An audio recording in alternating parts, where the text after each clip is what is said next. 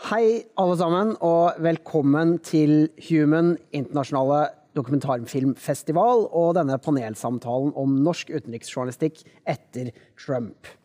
For i minst fire år så har det herska en unntakstilstand i ja, kanskje internasjonal journalistikk generelt, men også i norsk utenriksjournalistikk. Donald Trumps inntog i Det hvite hus gjorde enhver tweet og ethvert utspill til en toppsak i norske medier. Og dem var det mange av. Alt som var remotely trumpsk, så ut til å være av så stor interesse at eh, frontsjefene rydda toppen av nettavisene, og store flater på, på radio og TV eh, gikk med til å dekke den amerikanske presidentens innfall. Så hvor god var egentlig den journalistikken? Og har den satt noen spor som det vil ta seg tid å, å komme ut av? Besto norske medier prøven, og oppfylte de egentlig samfunnsoppdraget sitt? Og finnes det noen enkle grep som redaksjoner, journalister og redaktører kan gjøre for at det norske folk skal forstå mer av hvordan verden faktisk fungerer? Det er noen av de problemstillingene vi skal prøve å få diskutert den nærmeste timen.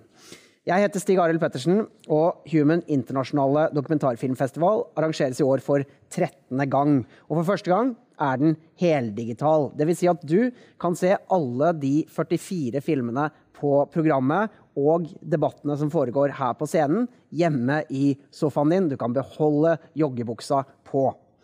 Ehm, og her i dag, noen som ikke kunne beholde joggebuksa på, har jeg med meg fire fantastiske folk.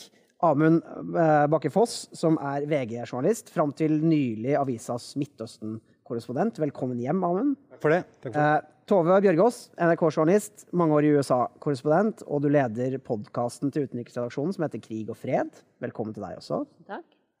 Iver Neumann, som er direktør ved Fridtjof Nansens institutt, og har forsket på utenrikspolitikk i eh, jeg i hvert fall som er nesten ung, kan si en mannsalder. Um, velkommen til deg.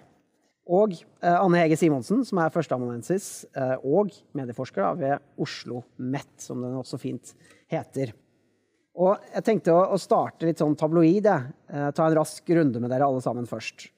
Hvordan vil du, Anne Hege, beskrive norsk medias dekning av, av USA? og av verden generelt, disse, disse fire åra som vi har hatt Trump i Det hvite hus. Uh, hva syns du, og kan du gi et lite terningkast? Uh. jeg tror nesten man kan bruke hele terningen. Uh, det, er veldig, det, er jo mange ting man kan begynne å snakke om her.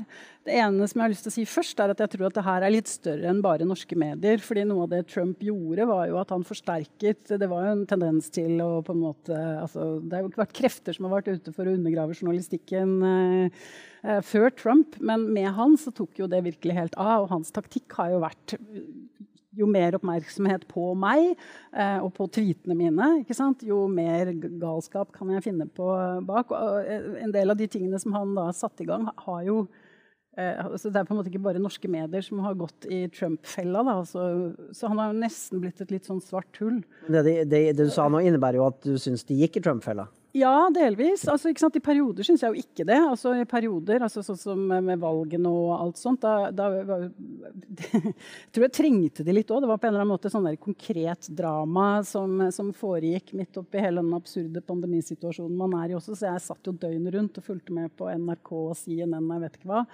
Uh, Um, og i, altså, i, perioder så syns jeg at det har vært bra. Og, altså, før Trump så husker jeg at det har vært en del stemmer som har klaget over at um, altså, USA er en stor makt uh, i verden, men vi vet egentlig ikke så innmari mye om landet.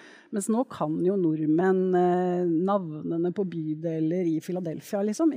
Pluss at vi kan veldig mye mer om valgsystemet. sånn at uh, du, du, har jo du har den dimensjonen. Men så har du den andre dimensjonen, som er at si, verden er bitte litt større enn USA, og ikke minst enn Trump. Eh, og eh, i perioder så har det vært altfor mye og altfor mange uinteressante tweeter som har kommet eh, på dagsorden altfor fort, selvfølgelig. Og terningkast? Én til fem. Iver, er du en sånn som når du går inn på dagbladet.no, som jeg regner med du gjør hele tiden, så, og det står overskriften 'Du vil ikke tro hva han har tvitret nå', så klikker du der med, med en gang? Jeg har gjort det poeng å prøve å holde litt avstand til det der. Jeg, eh, hvis jeg hadde vært medieforsker, så hadde jeg måttet gjøre det. Men det overlater jeg til Anne Hege og hennes kolleger. fordi jeg prøver jo å se de lange linjene. Og jeg lever ikke av å skrive om det som skjer her og nå. Jeg lever av å gi historisk og sosial kontekst til det. Og Da er det en grense for hvor mye tid per dag man bør bruke på det. Så jeg har prøvd å få mer de lange linjene her. Og da er det et par ting jeg har merket meg. En av dem er det Anne Hege sier, at, at dette er et gjennombrudd for sosiale medier. Ikke bare i USA, men overalt. Men det andre er jo at det er mange i USA som snakker om at kvalitetsavisene har en gullalder. At gravejournalistikken er blitt veldig mye bedre. Og eh, jeg vil også være helt enig med Anne Hege i at uh, Norge gjennom den hele kalde krigen så var vi jeg tror delvis av politiske årsaker, veldig kine på ikke å vite for mye om USA. Vi ville bare ha dette glansbildet. Brukte ikke penger på å ha forskere på det, brukte ikke så veldig mye ressurser på å sende journalister hit. Tok liksom for gitt at de var som oss.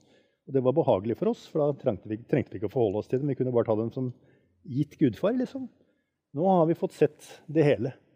Og Har journalistene gjort en god jobb i å vise fram hva, hva USA virkelig er, norske, på disse fire årene, eller har de latt seg avlede av støyen? Problemet med Trump er at det er umulig å forstå ham hvis man ikke forstår støyen. Da. For støyen har jo appell, og dermed blir den en del av, av eh, politikken hans. Altså Det at han skriker og hyler og angriper eliter uten grunn, er substansielt tomt, men det blir jo veldig viktig når det selger. Han har jo greid å splitte USA, som allerede var ganske splittet, enda mye mer, og det vil fortsette nå fremover. Så eh, jeg syns stort sett uh, norske aviser har gjort en ålreit jobb. Jeg. Terningkast? Trump fire. fire. Tove, det her blir en slags eh, selvransakelse til en viss grad. Eh, ikke, ikke, på egen, egne vegne nødvendigvis, men på vegne av journaliststanden og, og NRK, som du, som du, jobber i. Eh, hvordan syns du at måte, mediedekningen og hva man brukte ressurser på, eh, lot seg påvirke av, av, det fenomenet Donald Trump har vært de siste åra? Donald Trump ble beskrevet som en som tok all energien som var egentlig i ikke bare i mediene, men i nesten hele samfunnet. Altså, han var øverst eh, han ville vært øverst i alle seksjonene i avisene. Jeg husker En amerikansk redaktør sa til meg da det sto på som verst like etter at han ble valgt. Så han ble på en måte noe det var helt umulig å, å, komme utenom. Og han ville jo heller aldri ha blitt president om det ikke var for amerikanernes egen mediedekning. Mhm. Jeg vil jo si at det, altså Den største saken omtrent siden Trump ble president, er jo at han ble tatt av Twitter.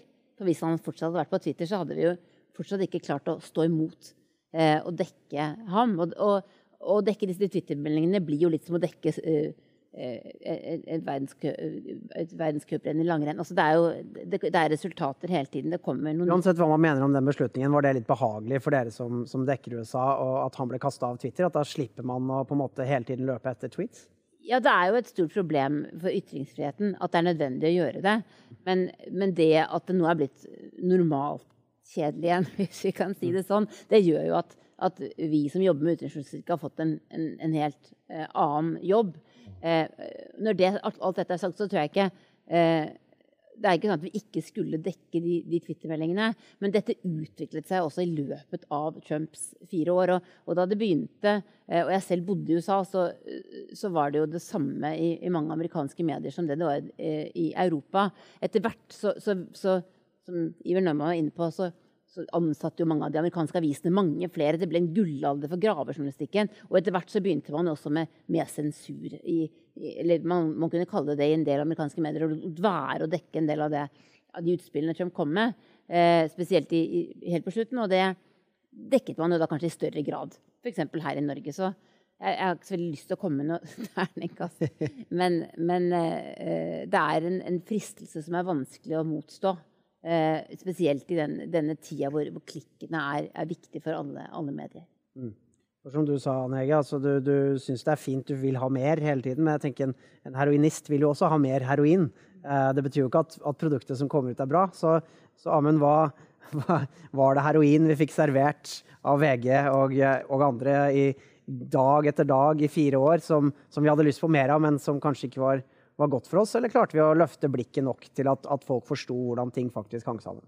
Jeg vet ikke om det var heroin, men jeg, jeg tør, å jeg jobber jo i VG, så jeg tør å gi terningkast. Jeg, jeg syns det er uh, i hvert fall en, en femmer. Um, jeg mener at uh, oss, Hvis vi snur på det, da, hadde vi dekka Kongo så bredt og uh, i dybden intervjua forskere, reist rundt i alle deler av Kongo eh, snakka med vanlige folk på alle sider av politiske spektrumet. Det hadde vært en sekser. Vi, vi, fikk masse informasjon, og den som virkelig ville lære, den som virkelig ville forstå USA, hadde jo hadde det fantastisk i veldig mange norske medier. Um, vi hadde bare, bare, på eh, riksretten nå, så jeg, tror, eh, jeg jobba jo i hovedsak ikke med USA i veldig lang tid. og Fikk jobbe med andre ting. Men mot slutten vi skrev jo ti saker bare om de forskjellige utfallene av eh, riksretten. Og ja, grunnen til at det ikke ble en sekser, synes jeg, er jo fordi at det ble for mye Trump i monitor, og det, det var i veien for en del andre viktige ting.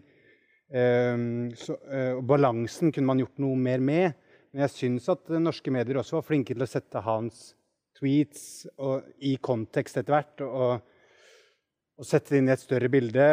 Og man kan jo ikke heller bare gi blaffen hvis, hvis eh, USAs president sier noe oppsiktsvekkende. Eh, man må dekke det. Så vi, vi blir fanga av det. Men jeg så ikke helt vi må, vi må, omtale det, men det handler om, om balanse og hvor mye vi gjør det, og hvordan vi gjør det. Og jeg syns vi kom ut på beina til slutt. da. Men uh, hvis man hadde dekket Kongo på den måten da, så hadde man lært veldig lite om uh, hvis det hadde skjedd noe i Malawi, f.eks. Ja, altså, så, uh, så, så, problemet her er, er, jo også at mediene har vært under enormt press de siste åra. kutt i redaksjoner, kutt i stillinger, kutt i ressurser. og man må prioritere hva man skal dekke. Det vil jo åpenbart, Dekker man noe mye, så vil det gå utover noe, noe annet. Du sa Aneg, at vi har, enhver nordmann vet nå bydelen i Philadelphia men vi vet kanskje ikke hvem som er president i Finland. Um, så hva er det vi kanskje har gått glipp av da, på disse fire årene? Har denne støyen, har denne måten vi dekka Donald Trump på, gått utover annen viktig journalistikk og, og, folk flest sin forståelse av, av verden? Eh, Iver, du var oppe med hånda i stad. Du ville kanskje si noe annet, men Nei, det gikk på det, faktisk. Ja. Eh, fordi altså, Siden 60-tallet har USA nå for et tiltagende antall nordmenn vært guden som sviktet. Eller iallfall fyrtårnet som sviktet. Og eh, hvis man nå ikke har fått øynene opp for at USA ikke er en trygg, demokratisk eh, fyrtårn i verden som Norge bare kan forholde seg til uten videre, og ikke trenger å ha noen analyse av Norges egen plass i verden, så har man ikke fulgt med i timen. Eh, men det er en annen eh, stat som har brukt tiden, særlig siden 1989, ekstremt godt, og det er Kina. Og hvis man eh, veier de to mot hverandre, så er det en, altså hvis man ikke følger med på dette som jobb, sånn som vi gjør, da, så vil man spørre Kina liksom fortsatt kanskje litt sånn ha-ha. Men altså, nå finnes det ikke en sak i verden hvor det ikke en analytiker også må stille spørsmålet hvor er Kina? Skal du dekke Kongo eller Malawi? Er spørsmål nummer to kanskje, det er hvor er Kina? Efter hvor er USA? Og hvor, jeg synes jo det, det du tar opp der, altså balansen mellom USA og Kina Et tiltagende ubehag. Jeg syns vi dekker Russland godt, og det er kjempeviktig for oss fordi det er naboen vår og viktig europeisk politikk. Men i verden er det Kina som er viktig, ikke Russland. Der har vi fortsatt et ganske langt stykke igjen. altså. Ja, jeg tror du har helt rett i det. Og jeg tror at vi mangler også mange ganger nok eh, Eh, det er mange flinke journalister i Norge, men vi mangler nok Vi skulle nok hatt flere sinologer i, i norsk eh, presse. Et veldig gammeldags uttrykk. Eh, det er i hvert fall vi som jobber med USA, merker er jo at det er jo så utrolig lett å få på dette stoffet. Mm.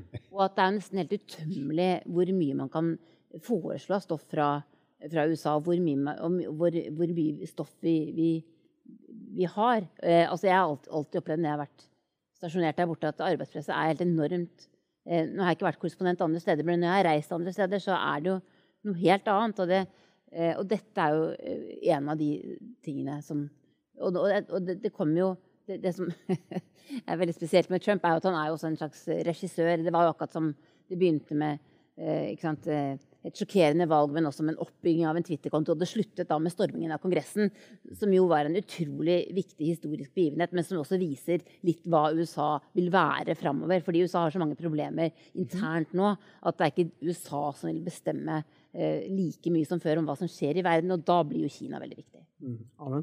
Det er helt klart og tydelig, vi må innrømme det, at selvfølgelig tar Trump, og Trump har tatt masse ressurser og fokus bort fra andre viktige ting. Men det her ser du også at statsledere benytter. Du ser i Etiopia. Eh, eh, offensiven i Etiopia mot nord Tigray-regionen. Når starta den? Den starta 4.11. akkurat rundt da hele verden brydde seg om, om, valget i USA. Alle mediene skrev om det. Alt fokus var der. Og det kommer det til å være i lang tid etterpå også. Så det her er noe eh, statsledere, eh, autoritære ledere, krigsherrer Alle er klar over. Eh, og jeg vet ikke om vi hadde skrevet mye om Finland selv om Trump, en annen, en annen vunnet, Trump ikke hadde vært der. Så det, det, der går jo på hva man ser leserne er interessert i osv. Men det er klart, som, som utenriksjournalist så var det rundt den tida i november så var det alle mann, eh, alle mann på dekk. Hvis, man rakk opp hånda, hvis jeg hadde rakket opp hånda på morgenmøtet og sagt jeg vil skrive om Etiopia, for det pågår en offensiv, så, så hadde jeg ikke fått, fått gjort det. Eh, men vi, vi, kom på banen etter hvert og skrev mye om det òg. Mm. Akkurat det der er jo veldig interessant. Da, fordi at det er eh, altså Jeg stort sett enig i alt hva alle har sagt. Men, men, akkurat det der med hva er det, hva er det folk vil ha? Fordi det, det, folk vil ha, det må du på en måte bygge opp litt òg. Altså, med USA så har man jo En ting er sant, maktposisjonen i verden, men du må på en måte, altså, hvis du skal få folk til å bli interessert i Etiopia, så holder det ikke bare å ha noen små notiser i ny og ne.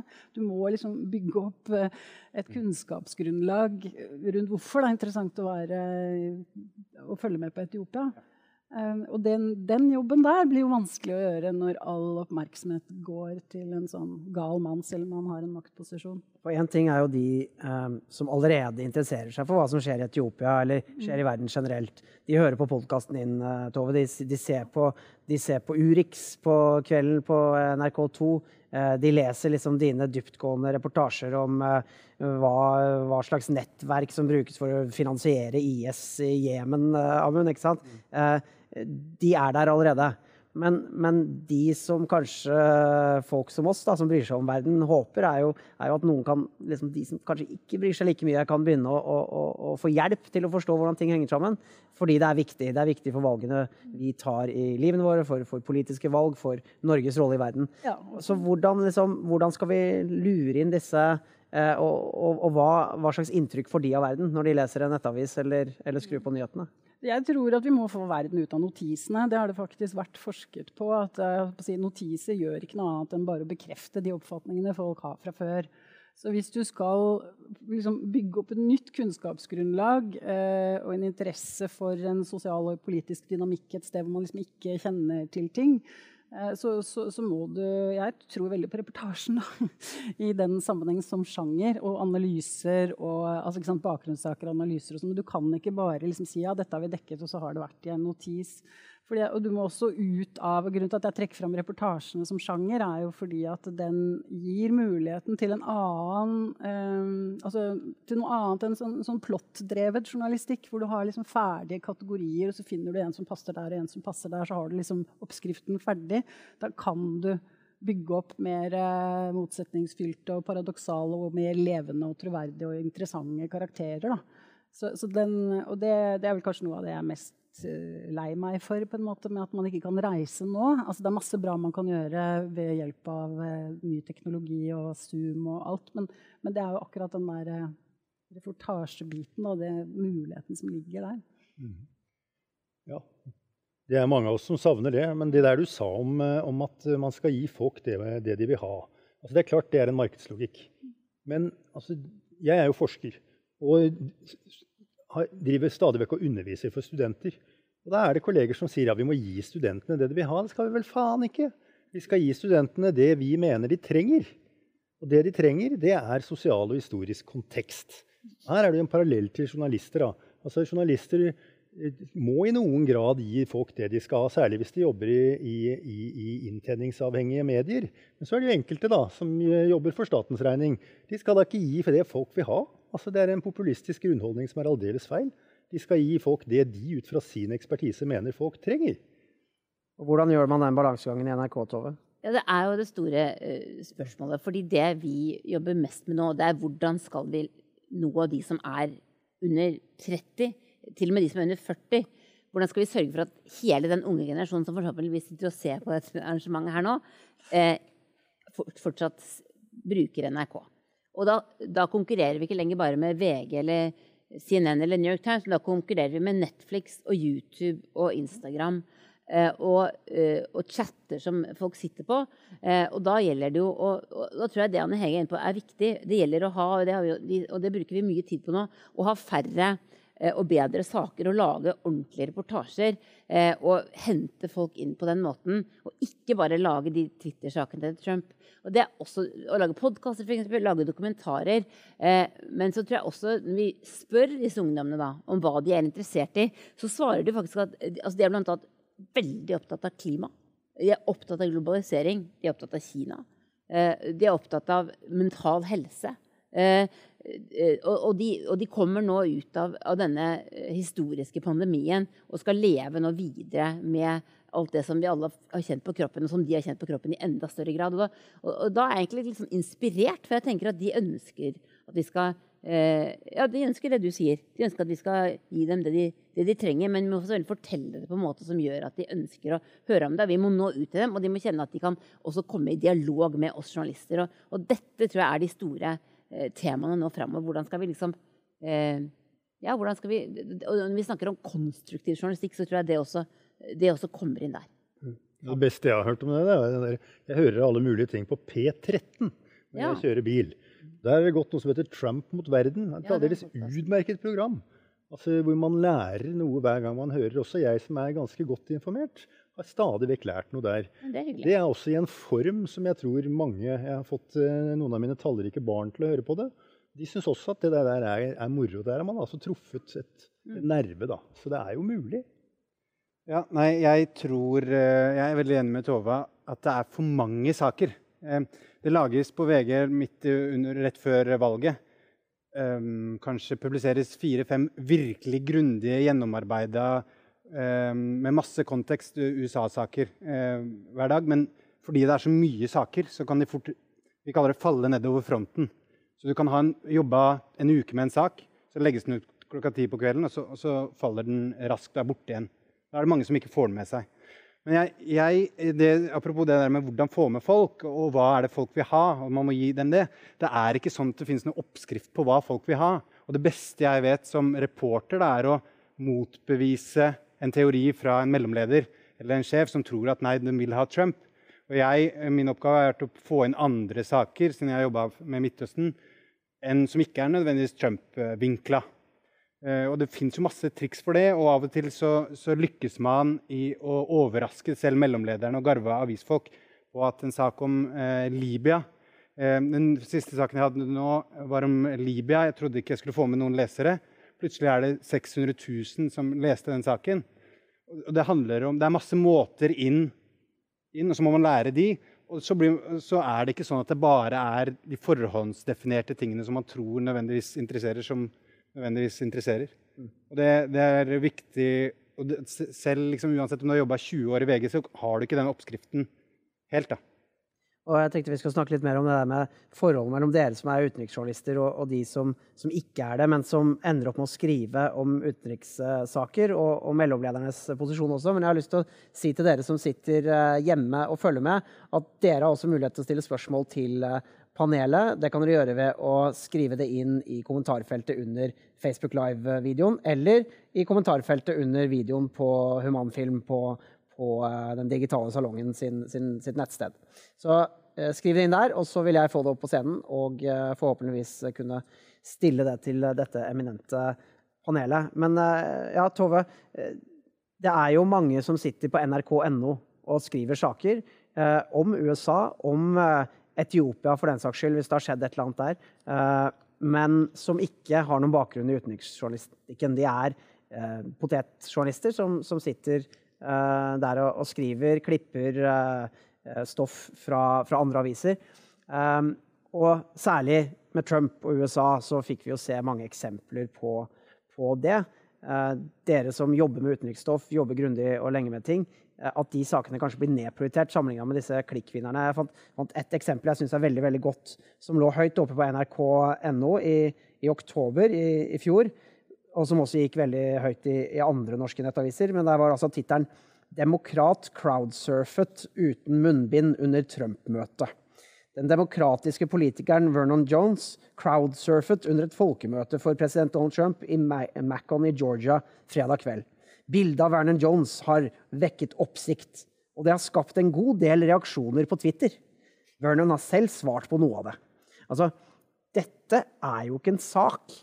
Og hvor trist er det på en måte å komme som en garva utenriksjournalist og liksom, jeg har en dritbra sak om noe vanskelige forhold i USA nå som jeg skal, skal vise fram, og så er det dette som prioriteres på, på, fronten. Er det konflikter der? Det er jo uh, sånn at altså, Jeg vet ikke hvor mange klikk den saken fikk, og hvor lenge den lå øverst på forsida. Uh, men de, det som ligger øverst på forsida uh, på nrk.no, helt sikkert også i VG, det, det, det, går jo bra. Det får jo mange klikk. Hvis ikke blir det umiddelbart flytta nedover. Eh, jeg syns ikke det, det, du nevner, er et spesielt godt eksempel på en sak som vi bør lage veldig mange av. Eh, men det som også tror jeg typisk skjedde i denne Trump-æraen, som vi nå forhåpentligvis er ferdig med, er at å lage saker med Twitter-meldinger i eh, Visuelt så er jo det lett å lese, for du kan legge inn Twitter-meldinger, så kan du liksom følge debatten inni saken. Men det er klart at altså, potetjournalister altså, Nei, det, det, sitter masse dyktige folk på desken vår eh, og skriver saker om, også om utenrikspolitikk det er ikke alle som jobber i utenriksredaksjonen i NRK, men mange av dem har skrevet mange saker om utenriks, og de er ofte hjelp av dem til å vinkle sakene mine, slik at de skal få flere lesere. For hvis ikke så får de ikke lov til å ligge på den trange forsida som vi har. Så, så det, det, handler igjennom hvordan vi, eh, altså hvordan vi eh, som du er inne på sammen, hvordan vi får den saken som noen har brukt en uke på, at ja. bli lest. ikke sant? Og, og, eh, og vi kan ikke lage, bare ha saker som vi har jobba med 14 dager, eh, men, men at, vi, at, vi, virkelig eh, også pakker inn stoffet vårt, selger det, tilbyr det, de, har dialog om det på en måte som gjør at det når ut. Eh, og, og jeg tror vi må kunne si, eller det kan vi si, at det er blitt tøffere også å nå ut. Fordi vi visste ikke før i tida hvor mange som leste den saken som sto på side 1 og 2 og 3 i avisen, men nå har vi tall hele veien, og, ting går veldig, veldig fort. Men eh, altså, Først så vil jeg bare eh, hylle altså, potetjournalistene. Jeg er veldig glad i de, og de, vi har alle vært det. det er veldig viktige. Eh, veldig viktige og, og, jeg har vært potetjournalist. Eh, jeg har skrevet rampelyssaker for VG for å få fast jobb og for å jobbe meg opp. Eh, på en måte. Eh, men det er en ting som også er viktig for kanskje mange lesere ikke er klar over. Ja, vi er opptatt av klikk, men jeg tror i nettjournalistikken Før var liksom nettjournalistikken sånn gjøkungen. Nå er det nettjournalistikken som gjelder, gjelder, i hvert fall for VG. Det er alt. Papiravis er et biprodukt. Jeg vet ikke om min sjef hører meg nå og syns det er rart at jeg sier, men det er biprodukt for oss. Eh, nett, det er nettet som gjelder. Og eh, det er ikke sånn at vi bare bryr oss om klikk. Hvis vi har en sak som vi ser at har masse klikk, så ser man at folk er inne i ti sekunder. De har blitt lurt inn på en eller annen måte. Går, nei, her var det noe jeg ikke ville ha. De går ut igjen. Da er det feil, og da gjøres den tittelen om selv om mange går inn. Så vi har all mulig statistikk som prøver å skal vise oss er folk interessert, er det bra, eh, liker folk dette, og leser de lenge og er interessert. Så prøver vi alltid å, eh, å lage kontekst da, inn i alle saker. Ja, Det er veldig viktig det du sier. Og, og, og, altså det at vi også måler på lesetid og antall fornøyde brukere. Ikke bare brukere, men fornøyde brukere. Altså Syns folk at dette var verdt tida deres? For det er jo en mm. annen ting vi virkelig kjemper om. Mm. Eh, vi snakker jo om uh, oppmerksomhetsøkonomien. ikke sant? Det er, den vi, det er, den tida vi lever i nå. Vi må kjempe om oppmerksomheten. Og, og da gidder jo ikke folk å bruke tid på de ting de ja, ja. kan klikke forbi på et øyeblikk. Iver? Men Fortell litt om produksjonen her. da. Altså, En journalist som dekker det og det, og har som jobb å dekke det og det, vil ha på en sak. Altså, da er det selvfølgelig krangling med desken når den er ferdig, men hva skjer før det? Må man ha tillatelse til å skrive om det? Hvordan blir det bestemt hva formatet skal være? Hva kan man vente når det gjelder eh, listing på nett osv.? Ja, jeg kan svare litt. Eh, I, i, vi har en utenriksavdeling med et morgenmøte i VG. Jeg jobba fra Beirut stort sett da, eh, de siste åra. Så foreslår jeg en sak. Da er det så, heldigvis så mange i VG som er interessert i å skrive om USA, at jeg slapp å gjøre det. Men vi har me mer enn masse ressurser. Det går bra med VG, det går bra med mediene nå. De ansetter masse folk.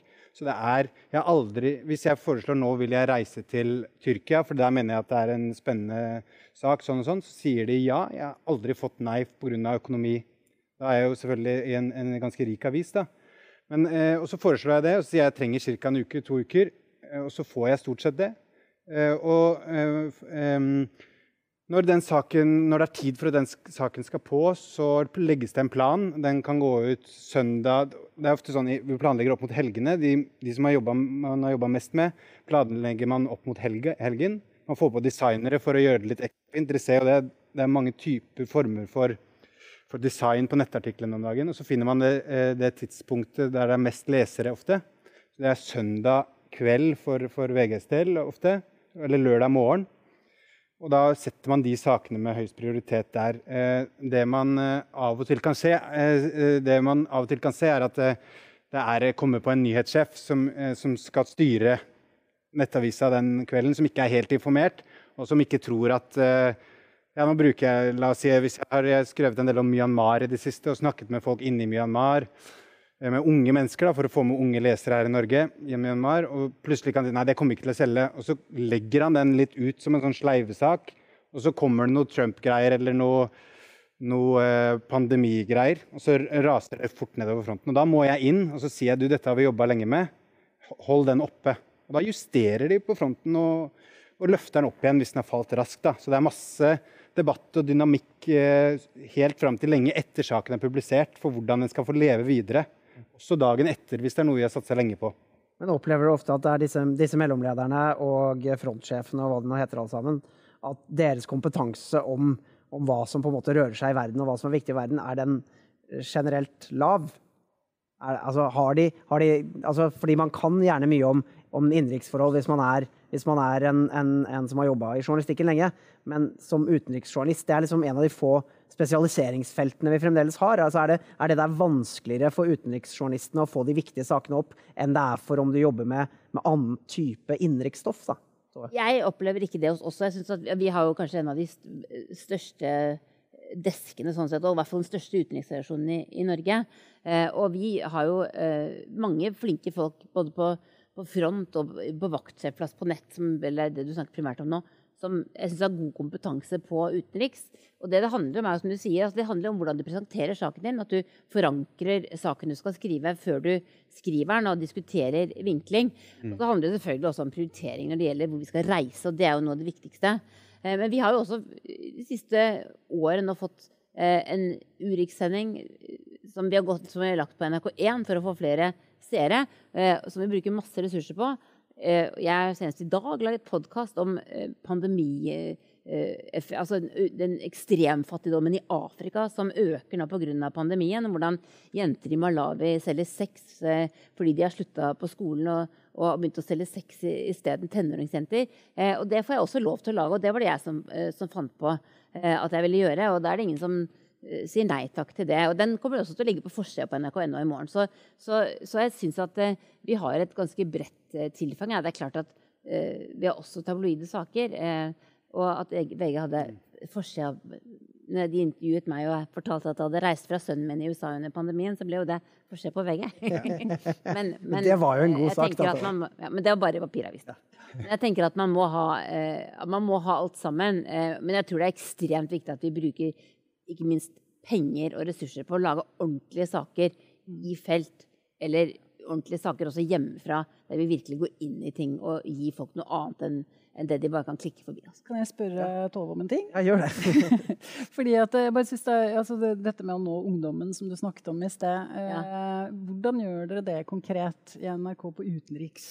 Eh, vi jobber veldig mye nå med, med hvordan vi, hva slags hvilke saker vi skal lage, og hvilke kilder vi skal bruke. Og da eh, har vi en strategi nå som vi kaller for yngre og bredere. Det handler både om å, nå de unge, men også nå de som ikke har tatt hovedfag. Eh, som vi vet at vi ikke når. Eh, og da er jo én taktikk å forsøke å være litt mer i øyehøyde med, med, med de som skal lese sakene og se reportasjene. Eh, det betyr at vi ikke skal dekke saker, at alt skal være veldig tabloid, men at vi kanskje velger andre kilder. At vi kanskje dropper eksperten i den saken og heller forteller historien gjennom et case. Eh, at vi prøver å, eh, å få inn folk i, der ute også. Vi, hadde, vi, en, vi, har en ung redaksjon som heter Ung17, som nå blir en del av nyhetsavdelingen. De jobbet bl.a. under det amerikanske valget med noe de kaller for NRK Svarer. Der, folk, der satt folk og svarte på spørsmål fra publikum, og spilte fra et ungt publikum. Eh, og, og, så, og, så, brukte vi tid på å svare på det, vi som satt i studio. Og det, og det skal vi også gjøre mer av. Eh, og mye handler også om innsiktsarbeid. Å gå ut og spørre folk hva de, eh, hva de savner, hva de er opptatt av. Så dette jobber, jobber, NRK veldig veldig mye med nå. Men, men, eh, men, jeg merker at jeg selv har blitt så gammel at jeg trenger å snakke med de som er 25, eh, for å høre hvordan de tenker. Og, og, og, det er jo noen ganger interessant også å spørre da, hvor får de sine nyheter fra. Og det er jo mange som ikke, ikke ser på TV i det hele tatt. Mhm. Eh, jeg har selv en stesønn. Han bor riktignok i USA, men han uh, sier at nei, han, han får nyhetene sine fra chatten på universitetet, der han sitter og chatter med, med vennene sine. Uh, og, og, så vi har, vi har, det er en utrolig mye mer vanskelig oppgave å nå folk enn det det var før. Det, uh, men også en veldig spennende utfordring. Jeg tror det er veldig viktig også hvordan vi forteller historien. Kan jeg si et spørsmål? Ja, men også et spørsmål til deg, men bare fyr løs. Ja, bare, det er bra. Ja, nei, fordi jeg bare tenker på om, om dere opplever at liksom, utenriksjournalistikken er i ferd med å endre litt ansikt. Da. Fordi det har jo på en måte vært utenriksjournalistikkens svøpe at den har vært litt sånn akademisk. og eh, Folk har vært litt ekstra kloke ja. når de har jobba på det feltet og har litt ekstra mye utdanning. og sånn. Eh, mens nå, i vår da, globaliserte tid, eh, så er, jo, er, vi jo på en måte innvevd i verden på en helt annen måte enn det vi var før. Og både i mediebruk og i livene våre på alle mulige andre måter. Og endrer det også liksom, oppfatningen av hva utenriksjournalistikk er? Ja, det, det, gjør det. Det tror jeg det gjør. Og, og, og, også hvem som jobber med det. Det er ikke sånn lenger at du uh, er en mann på 50 pluss for å jobbe i utenriksrelasjonen i, NRK eller eh, andre steder. Eh, og det kreves jo også stadig mer at man gjør mye mange flere ting selv, at man har mye høyere eh, tempo. Eh, så det tror jeg absolutt eh, er, er, riktig. Men nå glemte jeg en ting til jeg skulle si. Men, men det er i hvert fall eh, jeg tror, jeg, tror, det er også hva slags saker vi, vi dekker, hva slags saker vi, vi velger, hva slags folk vi ansetter også. Det, det, er jo også veldig, veldig mange unge mennesker i Norge som har flerkulturell bakgrunn, som har vært mye ute i verden, som har studert ute, som snakker flere språk. Å hente inn folk fra, med forskjellig bakgrunn eh, er veldig viktig. Jeg, jeg, er veldig opptatt jeg, Min drøm var å bli utenriksjournalist eh, siden jeg var 15 år. Jeg har, eh, all, jeg har studert under Anne Hege, jeg har tatt mastergrad, jeg er ordentlig utdanna utenriksjournalist. Men så har jeg endt opp i VG. Det var aldri min drøm da jeg var 15. Jeg skulle jobbe i NRK eller Aftenposten eller noe, noe som var høyere respektert da, enn det VG var når jeg var tenåring. Eh, men jeg finner, apropos hvordan man presenterer utenriksstoff, for meg Jeg prøver å droppe ekspertene. Nesten, du finner nesten ikke en ekspert hvis det ikke er høyst nødvendig i, i sakene jeg skriver. Prøver å finne førstehåndskilder, menneskene som har opplevd det man skriver om. Ikke en som sitter på Blindern som sier at nede i Jemen har de det sånn og sånn. Prøv å få tak i de i Jemen. Men hvordan skrive? Fordi min store seier som utenriksjournalist når jeg skriver for en så bred avis som VG, er jo å få massene til å lese. Og få folk som ikke er nødvendig, har mastergrad, og som tror at de er så interessert i noe. Men hvis man kan få med alle på å bli interessert, og få de inn i stoffet, for da vil de lese neste sak også. Så hver gang, selv om Jeg skriver, jeg har skrevet masse om Syria, men hver gang jeg skriver om Syria, så skriver jeg Damaskus, komma, hovedstaden i Syria. Jeg får med folk inn sånn at de ikke skal føle seg dumme. Fordi Hvis man går inn og leser at her er noe akademisk viktig utenriksgreier, da leser jeg heller det greiene her som er enklere. Men få de inn på en enkel måte. Bruk enkelt språk. Få skjebnene inn. Få de til å føle det de ofrene som i en krig føler. Eh, få, få, stemmene fram. Få de til å føle at 'oi, det her kunne skjedd med meg'. Da, da bryr de seg.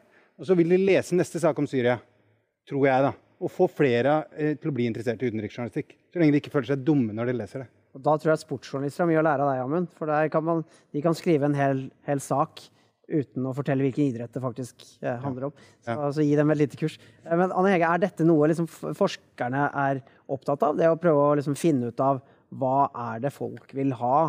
Og, og, måter det presenteres på. Hva har det å si for Eller sitter dere med litt sånne mer intrikate akademiske problemstillinger? Spiller forskningen og journalistikken noe på, på lag når det gjelder å finne ut hvordan kan man nå fram med de viktige historiene om verden?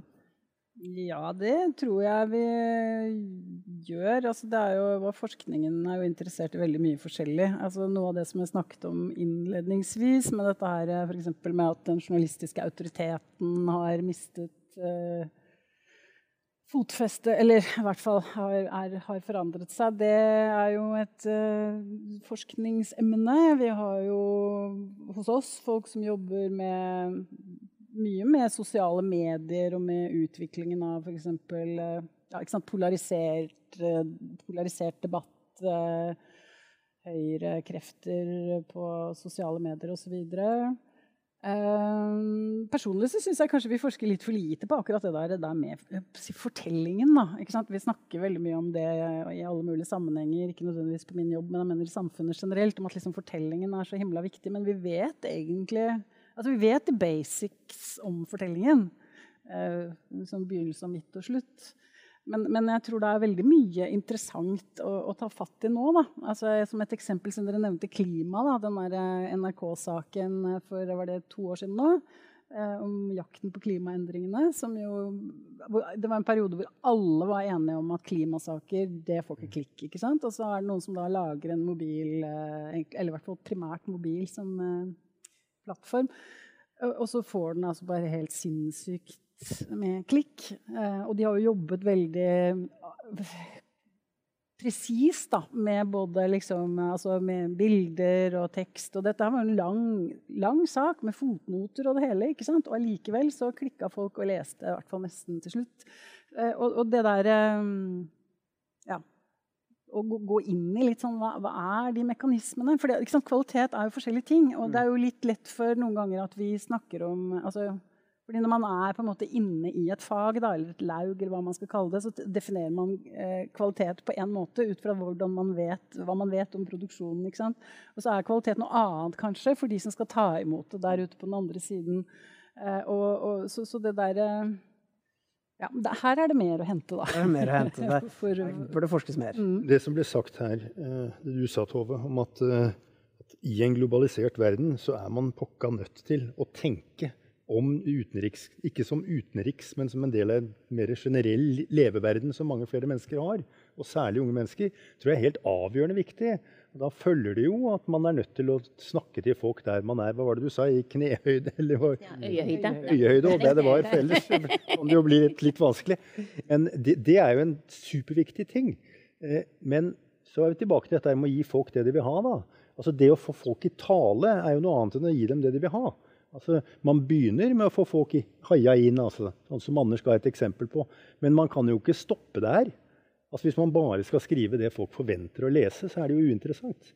Men jeg må jo si at jeg som lever eh, bl.a. av å gi kommentarer på utenriksstoff til et spesialisert publikum, er jo helt enig i at jeg er glad for å høre at det ikke er en generell måte å jobbe på. fordi det vil være unødvendig. VG er det, det er veldig mye av det. altså. Men, jo, jeg er klar over det. Men altså, det er jo først når man er på et eller annet nivå hvor journalisten selv tenker hvordan skal jeg få kontekstualisert det. Og Det er selvfølgelig ikke hverdagskost. Det skal bare når det være helt spisse ting. Og det er jo en grunn til at vi har kommentaraviser da, hvor dette gjøres. Men NRK kan jo ikke koste på seg å jobbe sånn som du jobber. For de skal jo tross alt gi et tilbud til hele det ganske land. Da inngår det jo også en del mennesker som har en spesialisert diskusjon om dette. Så jeg syns du kunne spart deg den om menn over 50. Altså. Det, må si til, det som er viktig for meg, bare er jo, selv om jeg skriver hovedstaden i Syria, det er jo at også mennesker som har det som spesialfelt, skal, skal kunne, skal kunne uh, lese dette med høy interesse. Så det er jo den balansen. Det skal ikke være fordummende tekst. Det, var, det glemte jeg å si i stad. Det er jo helt avgjørende. Det skal jo kunne brukes av diplomater som jobber på dette, også, altså, og, og, folk på forskernivå og på universitetsnivå. Mm. Så det er, liksom, det er den, å få med seg alle som er mitt mål. da. Tove? Nei, jeg tror det, Bare til det Anne jeg var inne på om, om, om eh, klima, f.eks. Eh, det vi har gjort, er at vi, at vi har laget en, en klimagruppe. Eh, der det er folk fra utenriks, det er folk fra innenriks, det er folk fra økonomiredaksjonen vår, folk som jobber med vitenskap. Veldig mange har hatt en eller annen internasjonal befatning med klima, og de jobber veldig eh, grundig med, med, altså med, research med saker som tar lang tid å lage, som vi ikke ville kunnet lage hvis man skulle sittet med dem for seg selv. Og, og, jeg, og det er også en veldig viktig bit av det vi trenger å, å tilby, fordi lettbente ting selger ikke på samme måten. Eh, men så tror jeg også, som du er inne på, Iver, at det, eh, det er jo noe med hvordan vi man kan kunne altså jeg tenker at, jeg, vil, jeg ønsket å bli journalist fordi jeg gjerne ville forklare kompliserte ting for folk på en enkel måte. Altså, jo mer du kan, jo mindre vet du. Og det er, det er veldig veldig vanskelig å klare å, å, å fortelle historien så godt at du klarer å få med deg alle. Da. Men det må være eh, målet vårt. Eh, og det er ikke det samme som å være tabloid. For du kan fortelle en kjempegod historie som er kjempegrundig gjennom å være i øyehøyde med, med folk og fortelle den gjennom et case istedenfor å, å bruke eksperter, så lenge du vet hva du ønsker å formidle. Men la meg gi et eksempel på noe av det beste jeg har sett av den typen ting. Altså, to ganger i amerikansk TVs historie har man laget en serie som heter Kosmos. Først én astrofysiker, og så hans læregutt. Og Der var hver episode bygget opp sånn at det begynte helt greit. ikke sant? Min tolv år gamle sønn kunne ta det med en gang. Og Så fulgte jeg med et godt stykke, og når vi begynte å nærme oss slutten, så falt jeg av. Det er jo en kjempegod måte å fortelle en historie på. da. Altså, det er ikke den eneste, men den er, den er, veldig effektiv. For da følger man med. Ingen føler seg dumme. Man er med og med og med. Og så tenker man ah, nei, nå går jeg og tar en drink eller uh, går på do, eller noe sånt, for nå blir dette for vanskelig. Og Det punktet avgjør alle, men det ville jo være kjempesynd om det sluttet før man var der alltid. Da får man jo ikke brynt seg. Eh, men uh, vi snakka litt i stad om at, at, prioriteringer er en viktig del av det her. Og, og, du nevnte Kina som et veldig godt eksempel Iver, på at uh, dette er noe vi må lære mer om. Vi må forstå mer. Vi må ha mer vanlige nyheter fra, fra, Kina. Og der kan vi jo bare si at din kollega Kjersti Strømmen gjør jo en, en utrolig god jobb med å faktisk snakke med kinesere på gata. altså Stoppe en kar som kommer på sykkel og snakke med han. Det, det, tror jeg aldri har sett i norsk journalistikk fra Kina før. At, at, at, det faktisk skjer. Og hun er jo i stand til det, for hun snakker, språket, språket ja. flytende. Det er et fantastisk eksempel på hvordan du kan, kan, kan gjøre ting enkelt og veldig veldig godt. Eh, for hvor ofte får vi egentlig høre direkte fra en kineser som er litt overraska over at det kom et spørsmål fra en journalist, hva vedkommende faktisk mener om en sak. Eh, det er mulig, ikke sant? Eh, men, men, eh, vi har ikke nevnt EU og Europa her. Eh, og det er kanskje si, det utenrikspolitiske feltet som er aller viktigst for oss nordmenn. Og hvordan vi lever livene våre, og hvilke reguleringer vi har av vårt eget samfunn. Hvordan flyktninger kan komme til Norge gjennom, gjennom Europa osv. osv. Men hvis det er EU-valg, eller det er ny kommisjonsleder, eller det er, så ser man jo knapt det i mediene? Gjør man det? Altså, hvordan er EU-dekningen i Norge, og hva kan vi gjøre med det? hjelpe folk til å få interesse for Europa? Det er to forskjellige ting, tror jeg. Det, altså, Europa er forskjellige europeiske land som ja. har litt ulik uh, interesse i befolkningen. ikke sant? Uh, mens EU er uh, en Annet beist. Et annet beist, ja. Uh, men uh, ja, jeg har jo et sånt kurs, da, journalist i en globalisert verden. Og i år så har vi hatt inn et par sånne europajournalister. Uh, og jeg syns at de kom med en del gode tips for det. fordi at for eksempel, da, Nå har vi snakket litt om, om, om klima. at altså, Der å koble det på litt mer sånne globaliserte ting altså Det er mye som skjer i EU som er veldig viktig for norsk politikk, og omvendt. det skjer store satsinger på tog og klimatiltak som vi overhodet ikke eh, egentlig diskuterer på noe seriøst nivå i Norge. Eh, så ikke sant her er det masse å hente. og jeg tror at hvis man, gjør, altså hvis man gjør, litt mer sånn, så vil man jo få større interesse for EU som konstruksjon også, kanskje. Og med pandemien og sånn, så syns jeg det har vært ganske interessant. fordi at da eh, plutselig blir liksom EU noe annet. I hvert fall for meg er det blitt noe annet enn det det var før. Mm. Uh, og så er jo sant, de for ulike europeiske landene Det blir litt en annen historie igjen. Tyskland er selvfølgelig åpenbart viktig. Polen åpenbart viktig. Høyreekstreme i uh, Ungarn og sånn. Også, uh, viktig. Frankrike og Italia, Spania Altså Ja.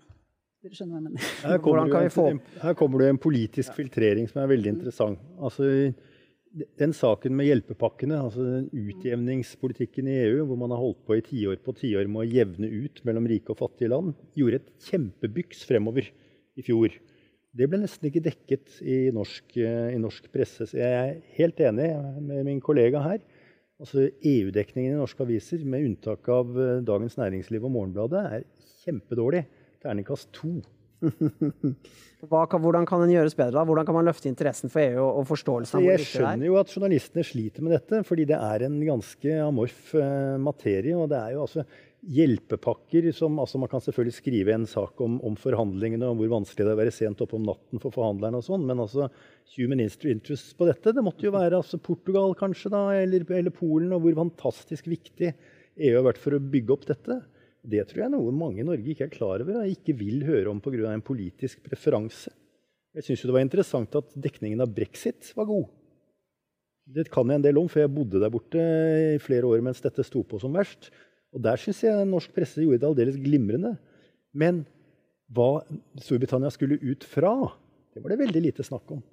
Der, der, her er det en politisk, ikke nødvendigvis motivert, men en, en, noen politikken Altså den dype splittelsen i Norge fra 72 og 94 og folkeavstemningene, som avspeiler seg i en det jeg synes er en ganske dårlig dekning og en altfor lite god satsing på EU-saker. Jeg tror vi gjør det som Iver nevner her, at, at journalister er litt sånn redde for å ta ordentlig tak i EU, fordi det er et splittende tema her i Norge? Nei, jeg tror det handler mer om at vi også der må fortelle de gode historiene. Vi må bruke mm. tid på, på å, å, å, å, fortelle dem på en måte som gjør at folk vil lese dem. Og vi må ha folk som følger dette. Og det har vi. Og nå har vi bl.a. fått klart å sikre oss Simen Ekern, som jeg syns er en glitrende europajournalist. Eh, altså, vi må ha folk som følger dette og, og, og forteller desken hvilke saker vi trenger å, å, ha. Og så må vi klare å vinkle dem på en måte som gjør at de blir, blir lest. Men jeg tror også det er et, et Som du snakker om brexit også. Altså det, det angloamerikanske er ja, Det er et eller annet med de bildene og de det er litt sånn rødt, hvitt og blått. Eh, altså En grunn til at vi dekker amerikanske valg eh, som vi gjør, er jo at dette er underholdning og sport og konfetti og ballonger og politikk og makt på en gang. Altså, og at vi, er, at vi, sitter og ser på TV-serier. Og, og, og, det samme med Storbritannia. Vi har liksom vokst opp med, med ja vel, statsråd og, og det er fortsatt ikke sant, Vi får det vi ser på, det vi underholder oss med fra, fra Storbritannia og USA stort sett. Og det gjør liksom at det er lettere tilgjengelig for, for flere, og at det sikkert også da får mer dekning. Men der har du et problem, da. Så du skrøt nettopp at NRK har Norges største utenriksredaksjon, og det er supert. Så skal man dekke EU, og så trekker du frem en stringer som bor i Roma. Nei, han, ja, han er stringer, han er korrespondenten vår. Han er tilbake nå, ja. ja okay. Han er ansatt som ja, Det er fint, men, eh, og han er en deres utmerket mann, men én svale gjør ingen sommer, da. vi har tre, to til også i Europa, da. Så vi har tre konsulenter. Nå er vi på et nivå hvor vi ikke skulle være, nemlig spesifikke ting. Så det var meg som begynte. Poenget er at vi i Europa mangler jo på en måte en, en Trump, da. Vi skulle gjerne hatt Trump inn der. Nei, vi skulle ikke. Nei, vi har jo det, mange Trumper rundt omkring. Jeg, vet. Poenget er at jeg, jeg er enig med, med de som snakker her om at det, det, er jo ikke det samme. Jeg vil ikke gi, um, i hvert fall ikke gi VG en femmer på, på europadekningen. Det må jeg være enig i. NRK er bedre enn VG, satser mer på, uh, på det. Uh, og det blir for oss, tror jeg Det er ikke, det er sånn, det er ikke, det er ikke dramaturgisk spennende nok. Det er for tørt. altså Europaparlamentet, EU Det, det er um, Brexit, der hadde masse, masse folk elsker London, reiser på helgetur til London. Masse engelsk og britisk kultur. Eh, det var masse der som gjorde at vi dekka det tungt, og hadde egen korrespondent på den tiden eh, i Storbritannia. Men, eh, og nå har vi dekka Europa under, under korona. Liksom, reiser ofte, senest nå stor reportasjetur til Spania. Men liksom det politiske og EU er nedprioritert kraftig. Det er sikkert 1000 mer Trump-saker enn det er EU-saker. For å slutte sirkelen litt da, nå mot avslutningen her, og se litt framover. Det er ikke lenger Donald Trump som er president i, i USA, uh, heldigvis, vil eh, mange si. Og, um, og vi skal prøve å se litt, litt framover. Men har Trump-dekninga og måten journalister måtte løpe etter tweets i fire år og, og mer til, eh, forandra dynamikken i, i utenriksjournalistikken eh, på, som vi må ta hensyn til, til framover? Må man på en måte ta et steg tilbake igjen og, og, og, og lære seg litt og, og finne, finne, sakene igjen, fordi det ikke bare kommer peprende ut av Twitter, eh, Tove? Det er mer enn nok saker, så det er ikke noe problem. Men jeg tror at vi har lært eh, noe om altså, at, at, altså jeg sier jo alltid dette når jeg blir spurt. Altså, det, det, var jo media som, som, skapte Trump. Og det var måten vi journalister arbeider på, ikke minst i USA. Og måten Trump fikk hele sin eh, valgkamp sendt på TV helt gratis på, som gjorde at han ble president i USA. Eh, og, og, det, eh, og, det, Uansett hva man mener om Trump, så må vi jo lære noe av, av det. Og vi må også lære noe at, at det sluttet med at, at høyreekstreme og helt vanlige folk som likte Trump, valgte å storme nasjonalforsamlingen. Eh, fordi de ikke lenger tror på, på, det som er sant, men på noe annet som de har funnet på nettet. Eh, så, så det, det, de, vi er ikke ferdig med det. Eh, så, så det, er, det, er ikke sånn at vi går tilbake til det normale nå. Verden har blitt en annen. Og vi har også vært gjennom noe det, siste året som, som, gjør at verden vil, vil bli en annen. Så, så, det er jo eh, det er litt sånn rart nå, for det er på en måte litt sånn Jeg syns på en måte det er litt tomt. Men jeg savner jo ikke å løpe etter de Twitter-meldingene. Men det er jo, det er jo, vi, vi, er jo, vi, dekker jo ikke Biden på, i like stor grad. Det skjer viktige ting i USA nå. Han har det faktisk, I går sa de skal klare å vaksinere alle voksne innen utgangen av mai. Det er jo nærmest helt utrolig. Men, men, men det når ikke opp på samme måte som Trumps Twitter-meldinger gjorde. Og det er jo ikke om jeg skal kalle det et paradoks, men det, det, er i hvert fall Det har skjedd. Men jeg tror, jeg tror vi, vi, vi, vi, kommer ikke tilbake dit vi var. Og vi, skal, vi må også lære av, av våre, og våre kollegers feil. Sitter liksom, USA-kollegaene dine nå og tvinner tommeltotter og lurer på hva Lurer litt på hvordan det skal bli, eh, faktisk. Eh, men, eh, men, jeg tror jo, for å svare på spørsmålet ditt, så tror jeg at det ikke At det, journalistikken og utenriksjournalistikken, hvis noe, har lært, som du sier, og har blitt bedre. At man kan eh, man, eh, med faktasjekker eh, Man går etter politikerne og hva de sier i sømmene. Man har lært masse om politisk retorikk og hvordan en politiker kan prøve å, å få med seg massene med enkle triks. Og, så jeg tror det også har blitt vanskeligere å være populist fordi, eh, framover. Fordi, fordi, Trump på en måte har på en måte blitt avslørt, og måte, eller i hvert fall snakka mye om hans retorikk. hans, så jeg, jeg tror ikke i hvert fall journalistikken har tatt skade men jeg også syns det er veldig godt med en pause. Jeg syns det er greit at ikke man dekker Biden på like, like, intenst, fordi det er plass til andre, andre land og andre, andre, andre, problemstillinger da, som kan heller få plassen. Så. Og en problemstilling da, som jeg er veldig opptatt av, det er jo hvordan vi nå framover dekker sosiale medier. Eh, de hjalp jo ikke minst Trump til makta. Nå sensurerer de ham. Mm. Eh, men hva, hva lærer andre land av det, andre politikere av det. Hvordan skal vi dekke det? Hvordan skal vi se dem i, i kortene? Eh, for de er jo de mektigste aktørene i verden. Så tror jeg leserne har blitt smartere. Det vil jeg bare ta med. Vi kan ikke lage enkel, billig journalistikk, fordi leserne har, leser så mye. De leser masse amerikanske aviser. Pga. nettet så er det så mye stoff. Så man kan ikke gå snarveier, da. Er dette et godt tidspunkt for liksom mediehusene å ta en fot i bakken og, og drive med selvransakelse? Ja, det kan man vel alltid gjøre. Altså, journalistikk er jo alltid det muliges kunst, liksom. Altså, det du kan få gjort med de midlene du har innenfor den tiden du har til rådighet. Så det, det bør man jo gjøre hele tiden. Altså, selvrefleksjon blant journalister bør være altså, det, det, det, må man drive med hele tiden. Men jeg tenkte på liksom, noe av det du sa med det med retorikk, eh, som jeg tenker har endret seg litt. Jeg må innrømme at jeg gråt en skvett når Biden sa 'we'. Uh, det var et ord jeg syns jeg ikke hadde hørt på en stund. Uh, og det der vi-et tenker jeg er litt sånn viktig å holde fast ved. Jeg tror Noe av det vi var inne på med EU i sted også, er liksom en eller annen, altså kanskje blir mye oppmerksomhet rundt vi og det globale vi-et også. Uh, jeg pleier å skryte av Amund som en sånn journalist som er veldig flink til å, å skaffe seg kontakter og kilder ute i andre land, og på en måte også dermed etablere en slags sånn vi-base for å forstå hva det er som skjer i, i andre land. Så uh, jeg heier på vi-et, da. Det var ikke egentlig det du spurte om, men uh, det var det jeg ville si. det går bra. Ive, kommer du til å, til å, savne Donald Trump i, i nettavisene, eller? Absolutt ikke. og Hvis jeg mot formodning skulle gjøre det, så vil jeg gå inn og se TV-serien The Apprentice, som jo var en preview på hvordan det presidentskapet ble. Men jeg skulle ønske jeg var enig med deg Amund, om at man har lært mye av Trump, og at folk har sett ham avkledd osv. Det som skjer i det republikanske partiet, peker jo i stikk motsatt retning.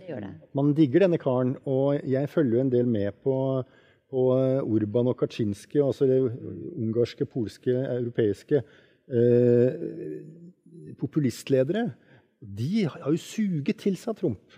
Så når vi skal gå tilbake og se på dette, her, så vil jeg tippe at, eh, at uh, vår venn Donald kommer til å fremstå som en læremester for populister verden over. Altså. Eller Modi i India, som er en jævla farlig kar som vi ikke dekker nok, lærer av, av, av tromperen. Og, så det, det, er fint å være optimistisk, men la oss også være litt pessimistiske. Når det kommer til uh, journalistikken, da, tror du vi på en måte journalistikken har fått varige men av disse fire årene? Eller Eh, eller er det tilbake til normalen? Det må Anne Hege svare, svare, på, og de som jobber med journalistikken. du, er jo en nyhet, du konsumerer jo nyheter med Som konsument kan jeg svare på det, og da tror jeg svaret er at, vi kommer til å, at det kommer til å ha vært en viss læring, og at vi kommer til å, til å lære av dette og gå videre. Men det er altså en, bare en, en, menig forbruker av, av nyheters eh, En, en storforbruker, riktignok, men ikke desto mindre.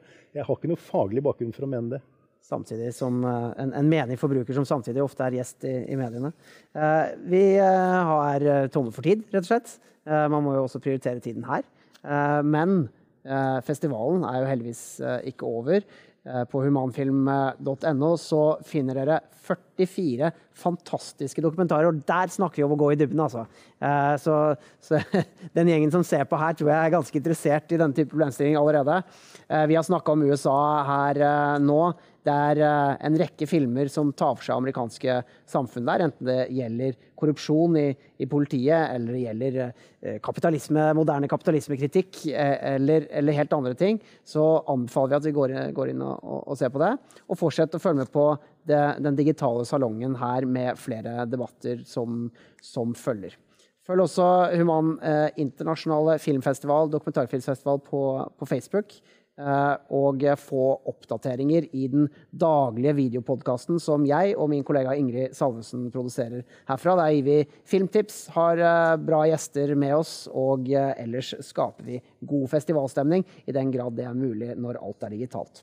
Tusen takk til dere fire for at dere tok tida til å være med her i kveld, og tusen takk til alle som så på der hjemme, og som kanskje har sett det i opptak.